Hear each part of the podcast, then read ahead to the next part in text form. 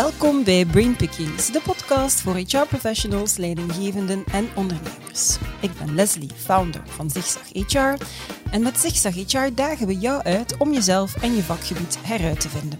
Abonneer je dus zeker op dit YouTube-kanaal of volg ons op jouw favoriete podcastkanaal.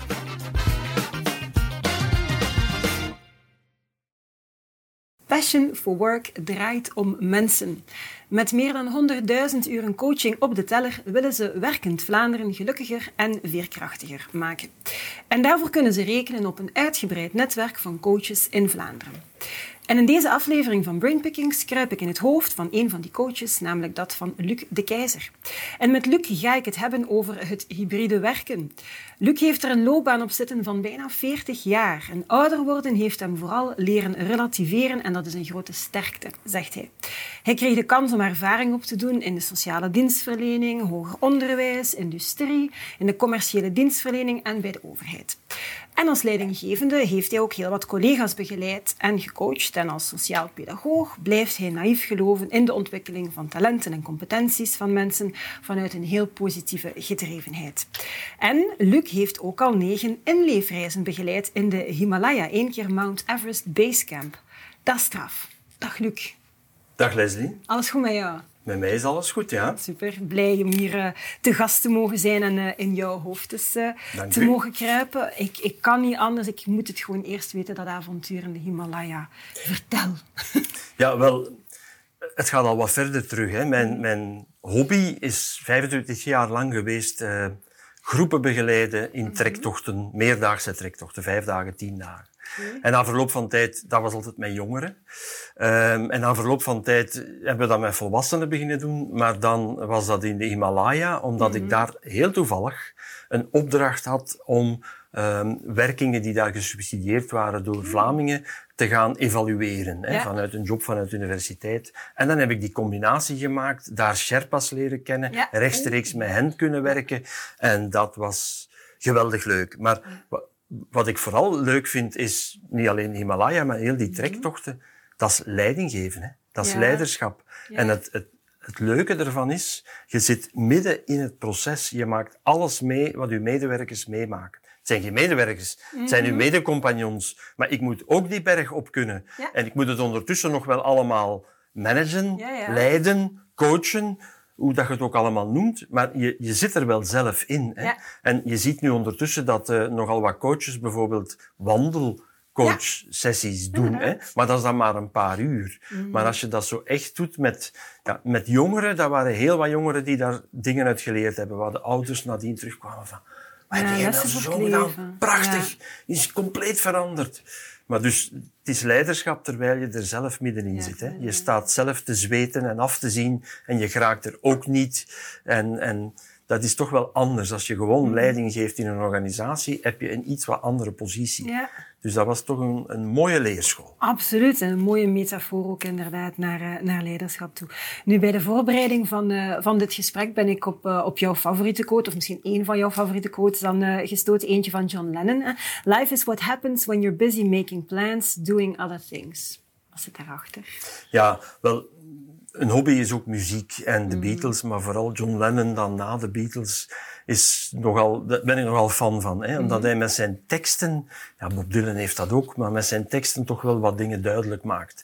Nu, als je hier over coaching praat, ja, dan is dat mijn favoriete quote. Hè? Dus wij, wij zijn constant plannen aan het maken om andere dingen te doen, terwijl ons leven voorbij gaat. Maar we durven niet.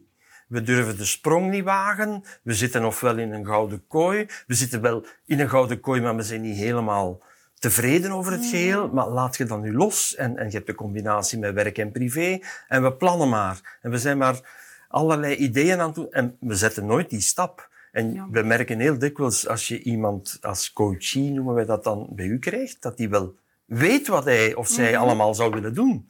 Maar dan eigenlijk aftoetst van, zou, zou, zou ik dat nu wel doen? Ja. Als ik die sprong... Ik ben niet zeker. Ja, je bent nooit zeker als je die sprong waagt, maar...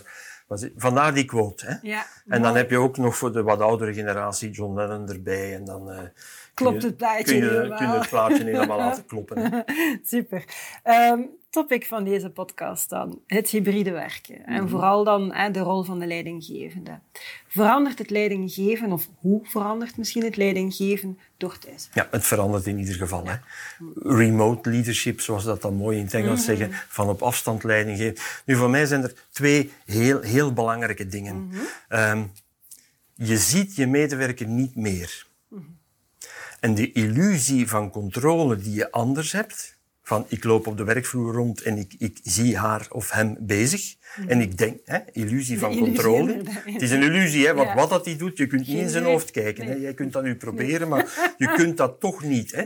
Maar die illusie van controle valt dan helemaal weg. Ja. Je ziet bij heel wat leidinggevers die schrik van, gaat die werken als ik er niet bij ben? En als ik niet kan... En dus zie je leidinggevenden die om half negen even bellen voor een onnozel iets, gewoon een vraag stellen wat de medewerker... Ah ja, hij heeft de controle uitgevoerd. Dus dat is het eerste stuk. Hoe, hoe, laat die controle los. Hè? Ja. Laat die illusie van controle laat die los. En dat is, dat is bij heel wat leidinggevenden een hele moeilijke. Hè?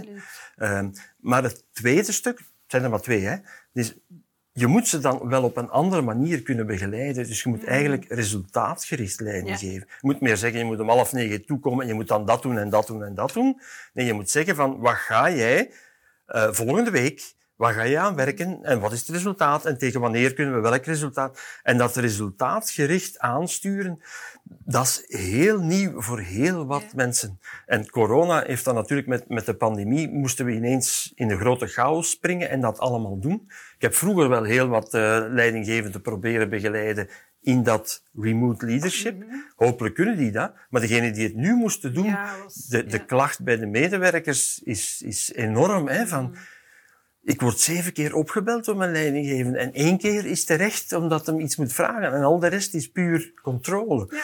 Dus je zit echt in een andere vorm van leiding geven. En als je dat dan ook terug op je werkplek doet Mhm. en je blijft resultaatgericht aansturen, veel beter, Ja. veel leuker. Je hoeft hem ook niet meer te zien. Je kan op een heel andere manier werken, maar dat vergt wel wat opleiding. Hè. Mhm. Daar, daar ben je wel wat mee bezig. En ik kom nogal wat leidinggevenden tegen die het daar lastig mee hebben. Hè. Ja. Die ook zelfs naar de coaching komen en zeggen van, ja, zij benoemen het niet zo, ik benoem het, hè. u bent uw illusie van de controle kwijt.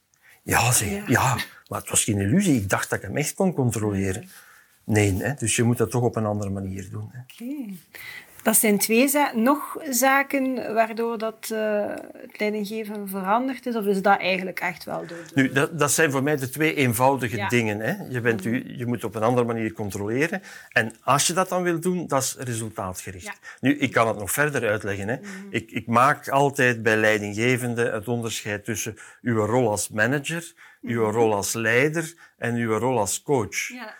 Wacht, je moet opletten, want in sommige bedrijven is iemand een manager en de andere is een teamleader. En dan gebruiken ze leader. er- Dat zijn dan titels. Hè.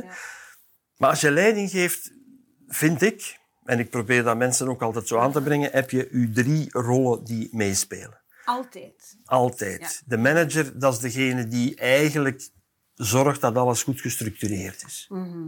Ja?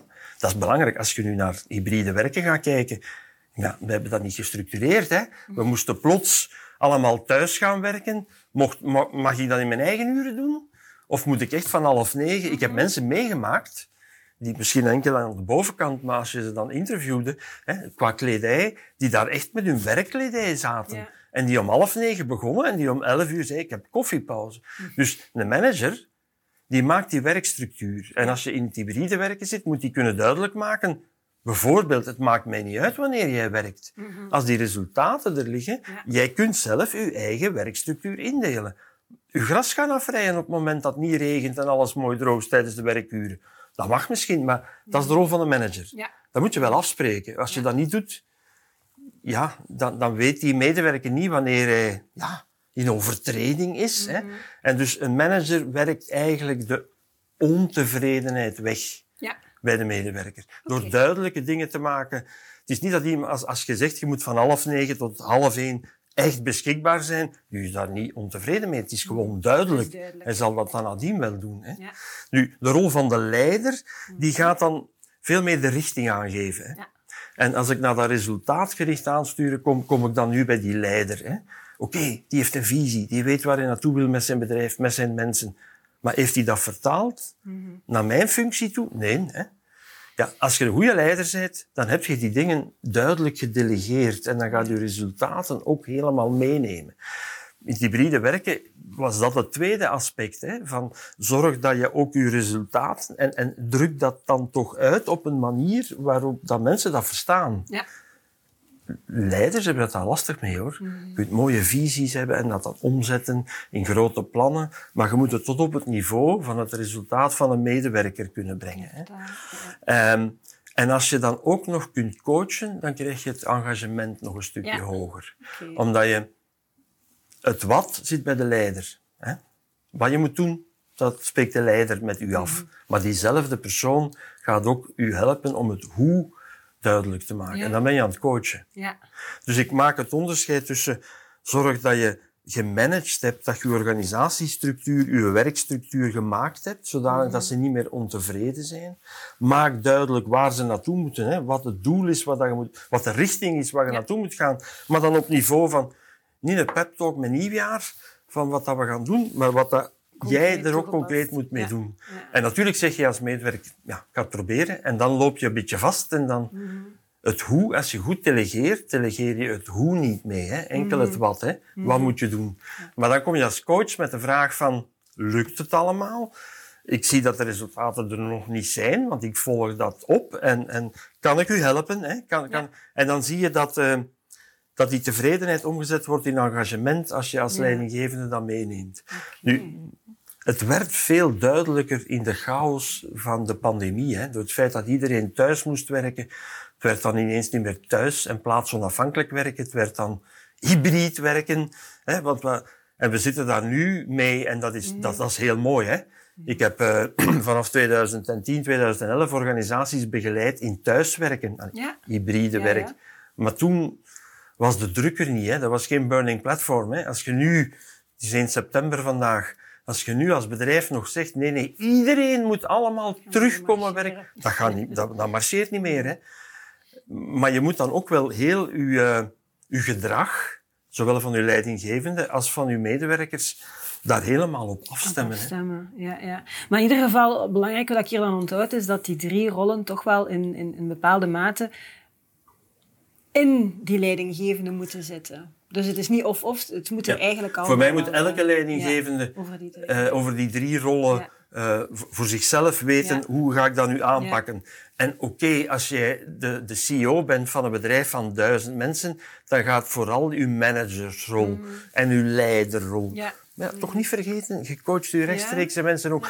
En als je helemaal onderaan zit en je bent ploegbaas in het bedrijf en je hebt vijf mensen, ja, je moet ook managen. Hè. Je moet die werkstructuur daarin steken. Natuurlijk is dat niet de grote manager. En je hebt ook een visie, hè, hoe dat, je- Ja, ja. wat dat er moet gebeuren. En je coacht ook je mensen. Maar dus het, het, is, het is verkeerd in mijn ogen om te zeggen, ik ben manager, ik moet alleen managen. En ik ben een coach, ik ga alleen coachen. Oké, dat, is, dat is heel helder. Zeg, en hoe, hoe veranderen die, die, die rollen dan nu door, door, door alles rond, rond thuiswerk? Want ja, ik, eh, het gaat veel meer opvallen inderdaad in welke mate iemand sterker of minder sterk is in een bepaalde rol waarschijnlijk. En wa- wat dat we heel sterk zien, is dat de, de managersrol in het hybride werken niet genoeg ingevuld is. men, men verwijst dan naar, ik snap het wel, naar de organisatie, naar het bedrijf. Z- zij moeten beslissen hoe dat, dat Ja. gebeurt. Voor mij is dat fout. Natuurlijk moet een bedrijf wel zeggen, we gaan een systeem uitrollen van hybrid werken. En jij, manager, leidinggevende in jouw dienst, doet dat voor uw dienst. Het is een hele grote uitdaging voor HR. Hè? Want we gaan weer terug de hele grote lijnen. En dat zijn de lijnen. En op maandag moet je thuiswerken en dan niet. Nee, hè. Ehm, Activity-based working. Hè. Je werkt op basis van de activiteit die je moet doen. Ja. Het is niet van op donderdag moet je naar een teammeeting naar het werk komen. Ja, teammeetings kunnen we via Teams hè, en via Zoom. Ehm, zijn er dingen waardoor dat we toch iets duidelijker kunnen zeggen dat is best thuis en dat is Ja. best op het werk, samen in team. En ik ben voorstander voor zeg maar twee, drie dagen thuiswerken en twee, drie dagen, dan zit ik aan zes dagen natuurlijk, maar op het werk. Hè, je moet elkaar ook zien hè, om de betrokkenheid Ja, ja. te verhogen. Maar dan nieuwe dan moet je eigenlijk in die rol van die manager steken en niet aan je HR alleen uh, regels laten bepalen. Hè. Natuurlijk weet ik dat mensen zeggen, ik wil op woensdag thuiswerken, want ik heb nog kinderen en dan komen die naar huis en die zijn oud genoeg, maar dan ben ik er toch bij. Mm -hmm. Ja, dat kan meespelen, dat kun je, dat kun je zien. En we, we noemen dat dikwijls ideals. Ik weet niet ja, of je dat... Ja, ja. Het, het maatwerk. Denise Rousseau was, was, een, was een Amerikaanse HR-prof, is dat nog altijd. Mm -hmm. En die, die is in 95 al begonnen met ideals. Hè. Ik denk dat we waren daar toen nog lang nee. niet klaar en voor. I is, is zowel ik als idiosyncratic is het eigenlijk. Hè. Maar dus maak met mij als manager de afspraak, natuurlijk binnen het kader van, uw, van uw team, van uw dienst, wanneer ik kan thuiswerken en wanneer ik niet kan thuiswerken. En leg uit waarom thuiswerk nuttig kan zijn Ja. en niet. Hè. Nu, daar schort het heel dikwijls. Hè. Ja. Nu, met het, uh, met het thuiswerken dat plots opgelegd werd, heeft men allerlei dingen gedaan. Hè. De overheid zei, iedereen moet altijd thuiswerken. Dat geldt maar voor 70% van de Vlamingen. Hè. Of van de Belgen. 30% in de zorgsector, in de industrie. Ik denk zelfs dat het nog minder is voor wie dat van toepassing is. Dat de populatie die echt thuis kan werken, dat dat... Ja, dat, maar, ja. kan dat dan nog meer is dan 30%, maar nu men is ook aan het denken, verpleegkundigen zouden ook kunnen thuiswerken. Hè. Als je dat goed managt, Ja, ja. als je al het schrijfwerk enzovoort, dat Kunnen zijn die ook doen. wel een aantal... Ja, En je kunt op één dag... Dus maar het managen, Ja. daar, daar zitten we dan helemaal in vast. Ehm, het leidinggeven, oké, laat ons zeggen dat dat, dat resultaatgericht is, dat dat wel lukt. En dan bij het coachen, bij het hoe, zie je ook nog wel wat problemen. Ja. Hè? Omdat men nooit... ehm, ja, hoe moet ik dat thuiswerk nu vastpakken? Want heel wat werknemers hebben problemen met, met thuis te werken. Hè? Ik bedoel, anders roep je eens bij de collega of loop je Ja, eens ja. langs. Ja, nu kun je chatten, maar dat doet er veel minder. Je kunt de telefoon op, maar dat doet er ook veel minder. En ze nemen vaak ook gewoon niet op. En ze Dan nemen dan ik, niet ja, op, ja, of dat ja. werkt niet, dat is niet goed traag, aangesloten, IT-matig. Maar de belangrijkste wijziging zit in, in uw rol als manager. En ik vrees dat men dat naar boven, naar de organisatie gaat trekken, dat, dat bedrijven gaan zeggen, "Eh, zo gaan we dat nu doen, en jij moet dan thuiswerken, en jij moet dan thuiswerken. Dat is niet goed. Je moet dat afspreken met uw ploeg, zodat dat, dat daar ter plaatse komt. Oké. Ehm, zeg, en wat heeft dat dan allemaal te maken met, met, met de zelfbewuste medewerker? Nu, ik moet eerlijk zeggen, in mei, juni hebben we een onderzoek opgezet. Omdat we vaststellen van eh, mei, juni dit jaar, hè, dus we, we zijn het allemaal aan het uitschrijven, het wordt een boek hè, eh, binnenkort. Maar ehm, door het feit dat je op jezelf thuis zit, al dan niet met je partner, hè, want ja, soms moeten de beide partners thuis zitten, Ja, dan ja, zit je niet meer alleen. Maar het feit dat je op jezelf thuis zit, begin je veel meer te reflecteren. Je kunt niet anders, hè. Dus wat, je mist al het sociale contact. Dus je sociale contact, dat gaat je met jezelf doen. Ehm, en je ziet dat mensen veel bewuster worden over... Ja, wat ben ik hier nu in godsnaam aan het doen? Ik zit hier nu om half negen. Moet dat nu om half negen? Moet ik nu die structuur zo volgen? Ik, ben, ik, ben, ik, ik kan half acht al beginnen. Maar ja, de, dus men, men wordt veel bewuster van wat men aan het doen is. En als je dat dan bevraagt bij mensen, dan blijkt dat ook te, te kloppen. Hè? En ik, ik noem het... Ik heb toevallig, hebben 2000 mensen bevraagd na- naar het zelfbewustzijn als medewerker. En ik kom bij, bij drie groepen uit van ieder rond de 30 procent. Oké. Je hebt de, ik noem het de veiligheidszoekers. Dat, dat, dat zijn de, zeg maar de traditionele mensen die in hun gouden kooi zitten. Ja. En die, die denken van, oei, en, en nu? De- Ik ga toch mijn loon nog wel krijgen. Ik, ik ga toch wel goed doen. Ja. Die groep blijft er. Maar je hebt een groep, en dat was mijn, mijn hypothese dat dat er ging uitkomen. Ik noem het de meerwaardezoekers. Ja. Die zeggen van, ja, als ik hier zo alleen mijn werk aan het doen ben, ik kan nog wel wat andere dingen doen, hè. En misschien is die job toch niet meer wat ik wil doen, hè. Nu blijkt dat die zingeving er toch niet meer zit, hè. Ik ging precies vooral voor mijn collega's en voor het leuke. En, en nu zit ik daar. Wat is de meerwaarde in een job? En mensen gaan beginnen kijken naar... En je ziet, we, merken het bij de coachings, bij de jobcoachings, heel wat mensen die zeggen... Ik heb niks, ik heb geen burn-out, heb- maar ik wil iets anders, want ik, ik, ik heb hier nu acht maanden op mij alleen gezeten. Dat is niet meer, ik wil die job niet meer doen. De meerwaardezoekers. Ja. Ook een derde. En het andere derde, ik noem het de evenwichtszoekers. Oké. Dat zijn mensen die, die, die beginnen vaststellen van, ja, ik had een partner. Of ik heb een partner. Ik heb ook nog kinderen. Die moesten dan ook nog eens thuis. Hoe krijg je dat evenwicht tussen die work-life balans, maar we noemen het nu work-life integration, want je zit daar echt samen. Hè? En die zeggen van, werk is voor mij, en sorry Leslie, maar de, de, de meesten die daarop antwoorden, die in die groep zitten, zijn dames. Ja. Dat is redelijk voorspelbaar, denk ik. Ja. Hè? We hebben ook de geslachten bekeken, opleidingsniveau Zou enzovoort. dat dan zeggen dat die meer met hun loopbaan en, zichzelf Ja, die, bezig zijn? ja, die kijk, Ja. ja. maar die, die maken de link meer dan mannen. Zo, Ja. Het is erg voor de mannen eigenlijk. Het is niet sorry voor de vrouwen, het is erg voor de mannen. Maar die maken veel meer de link tussen...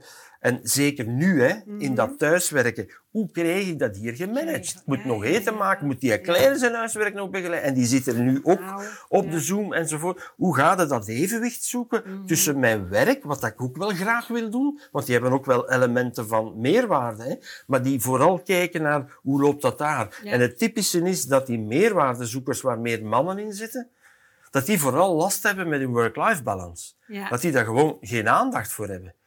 Dat die dat schuiven naar hun partner. Au. Dus Ja. die zelfbewuste medewerkers, zoals ik het noem, de medewerkers worden veel meer bewust door het feit Ja. dat ze niet anders konden dan reflecteren over wat dat ze aan het doen zijn in hun werk. Hè. Een van de mooie dingen, misschien om af te sluiten, thuiswerken, als je dat goed organiseert, 17 tot 20 procent productiever. Hè. Wauw, ja. Als je het goed Ja. georganiseerd En als je dat dan goed Ja. georganiseerd krijgt, maar dat betekent dat je dan, ik zal maar zeggen, acht uur werken, Ja, ja. Dat je Maar dat- je doet je werk op 80 procent. ja. Dat wil zeggen op 6 uur en een half. ja. En dan creëert je ruimte. En dan creëer je ruimte. Op je werk kun je dat niet doen, hè. Want dan moet er misschien nog een prikkel of dan heb je een baas die kijkt, oei, half vier, heb je al gedaan? Ja. Ja, maar... Ja, dus je wordt wel bewuster. Ik, ik word eigenlijk precies efficiënter, denken heel wat mensen. Ik, kan, ik kan toch een andere job gaan doen, want zie eens... Ik, ik word daar acht uur voor betaald, maar als ik het goed aanpak, ben ik er op zes uur, zes uur en een half, ben ik ermee weg. ik, ik, ja, al die tussendingetjes die je anders doet, naar de koffie zet lopen en praten met ja, collega, dat is allemaal Ja, weg. ja. Dat is ook niet helemaal goed, hè? Nee, dus nee, uw- uw- uw sociaal contact is wel wat weg, maar je ziet dat je efficiënter kunt gaan werken. En we zien nu ook al dat heel wat van die zelfbewuste medewerkers zeggen, ik ga als freelancer werken. Dan heb ik mijn eigen tijd. En ik ben precies wel naar rappen en ik kan het goed organiseren. En die baas die managt dat toch niet te goed. Dus ik ben weg, hè. Ja, ja. En ik ga een ander job kiezen waar ik meer tijd voor mezelf heb. Dus er is heel veel aan het gebeuren met Ja. dat hybride En we gaan werken. daar waarschijnlijk de komende maanden en het komende jaar nog heel En veel we gaan daar nu in eh, het najaar zien. vo- Ja. volop van horen. En de overheid gaat dat proberen te structureren. Bedrijven gaan dat proberen Ja. te structureren. Ik zeg, laat het toch maar over aan de HR-mensen die kijken naar hun leidinggevende, die die begeleiden. En aan de medewerkers die, die ook geholpen moeten worden, ofwel door HR, ofwel door hun leidinggevende. Hè. Mhm. Maar zo zie ik nu tamelijk wel leidinggevenden die op eh, jobcoaching komen. Niet om te zeggen van, ik, ik zoek een ander werk, maar ik ik wil op een deftige manier leiding geven. Ja. Ik heb precies wat ik vroeger deed. Dat kan ik nu niet meer gebruiken en ik En dan weet niet wat komen ik ze moet doen. dan komen en dan naar jou komen, komen er toch wel begeleidingen uit. Je kunt dat in opleiding geven. Maar als je zelf echt zegt van... Ik, ik ben twintig jaar leidinggevende. Ja. Ik, ik voel dat ik iets anders moet doen. Dan ga je meestal niet naar een opleiding, maar naar individuele absoluut. begeleiding. En dan lukt dat toch iets, eh, iets beter. Hè? Heel heldere analyse. En ik moet zeggen, ik hoor je dan spreken over een boek. Dat komt er dan binnenkort aan. Eh, het is 1 september en het had tegen 1 september moeten klaar zijn, maar het gaat tegen vrijdag. Ik, ik bedoel ja. de, de tekst. Volledig, ja, ja. de, eerste het- tekst. en dan gaat het naar de uitgever. En daar zouden we tegen half eh, oktober mee Naar buiten. naar buiten willen komen. Vooral ook omdat, dat, dit is zeer actueel. Hè. Ja. Dit zijn gegevens van mei, juni. Ja, daar is ondertussen het verlof over gegaan. Mhm. Maar we hebben een zicht op wat 2000 werkende Vlamingen denken en voelen en hoe ze daarmee bezig zijn. En voor mij als onderzoeker, het is een hulp Ja. naar de toekomst toe. Hè. Hoe moet je het allemaal organiseren? Hoe gaan mensen daarmee aan de slag? Hoe gaat de preventief burn-out tegengaan? Want die is blijven stijgen. Ja, ja. Ja, sorry, maar dat is ook een negatief aspect van het zelfbewuste medewerker. Hè. Als je het niet allemaal goed in, in, in je hoofd en gemanaged krijgt, want ik heb alleen het positieve verteld, ja, het aantal depressies en burn-outs, ik kan niet het onderscheid neem, zet ze op één, lijn, eh, op één lijn, is erg toegenomen in de coronaperiode. Hè. En dat heeft te maken met op jezelf betrokken en dan het geheel bekijken.